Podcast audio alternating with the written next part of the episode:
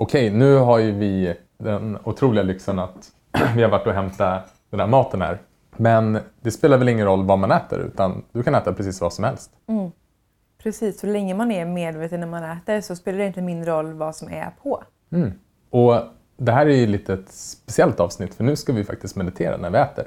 Så om du hemma är sugen på att meditera med oss så eh, förbered någon mat. Någonting enkelt eller någonting svårare kanske. Precis, vad du vill som du kanske tycker om. Och ett extra då tips om man vill göra det till en extra bra, eh, eller jag ska inte säga extra bra, men en övning där man verkligen kan få utforska det här med mindful eating. Då skulle jag rekommendera att göra en rätt där det finns så mycket olika smaker och texturer och färger som möjligt kanske. Det blir lättare att ta på lite vad det är vi kommer prata om. Typ det här receptet som kommer läggas ut, eller hur? Absolut. Spännande. Okej, jag lämnar över ordet till dig här och vill ju egentligen bara hoppa ner i den här tallriken och äta. Ja. Men eh, innan du gör det då så tänker jag att vi ska helt enkelt eh, gå igenom det som jag brukar gå igenom när man sätter sig med en sån här tallrik. Och då, som vi nämnde innan, försök att, eh, att ta det lite lugnt och ta med dig mat till platsen du ska äta innan du hugger in på den på vägen. Och som vi vet så äter vi med ögonen, så börjar man kika på maten hur den ser ut. Vilka olika färger det finns, vilken form det har.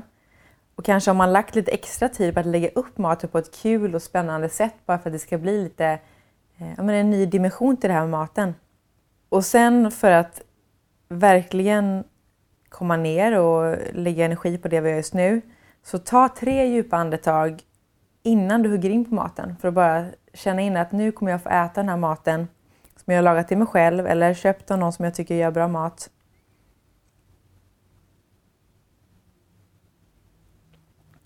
Och sen nu då, när man har tagit sina tre andetag, så är det dags att hugga in. Och då brukar jag prata om, eller för det första ska jag säga så här, jag älskar att äta med händerna så ifall du inte har en soppa eller kanske hummus på gränsen, våga äta med händerna för då kommer du komma ännu närmare din mat.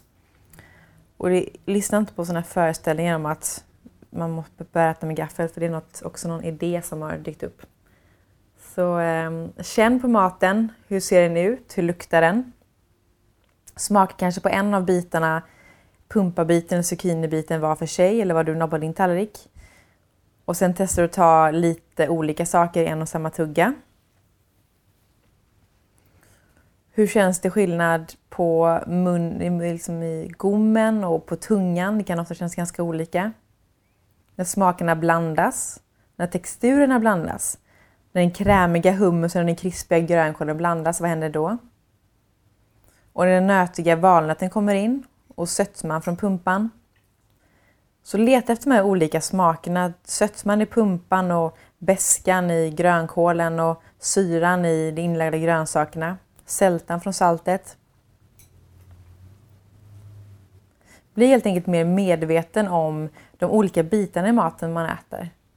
Och inte bara se det som mat vi behöver för att överleva utan se det som en upplevelse att sitta här. Även ifall du sitter själv hemma i din soffa och käkar någon vardagsmiddag. Och sen då texturerna kan vi också lägga en extra, några extra sekunder vid för det tycker jag är något som gör att maten blir ännu mer spännande.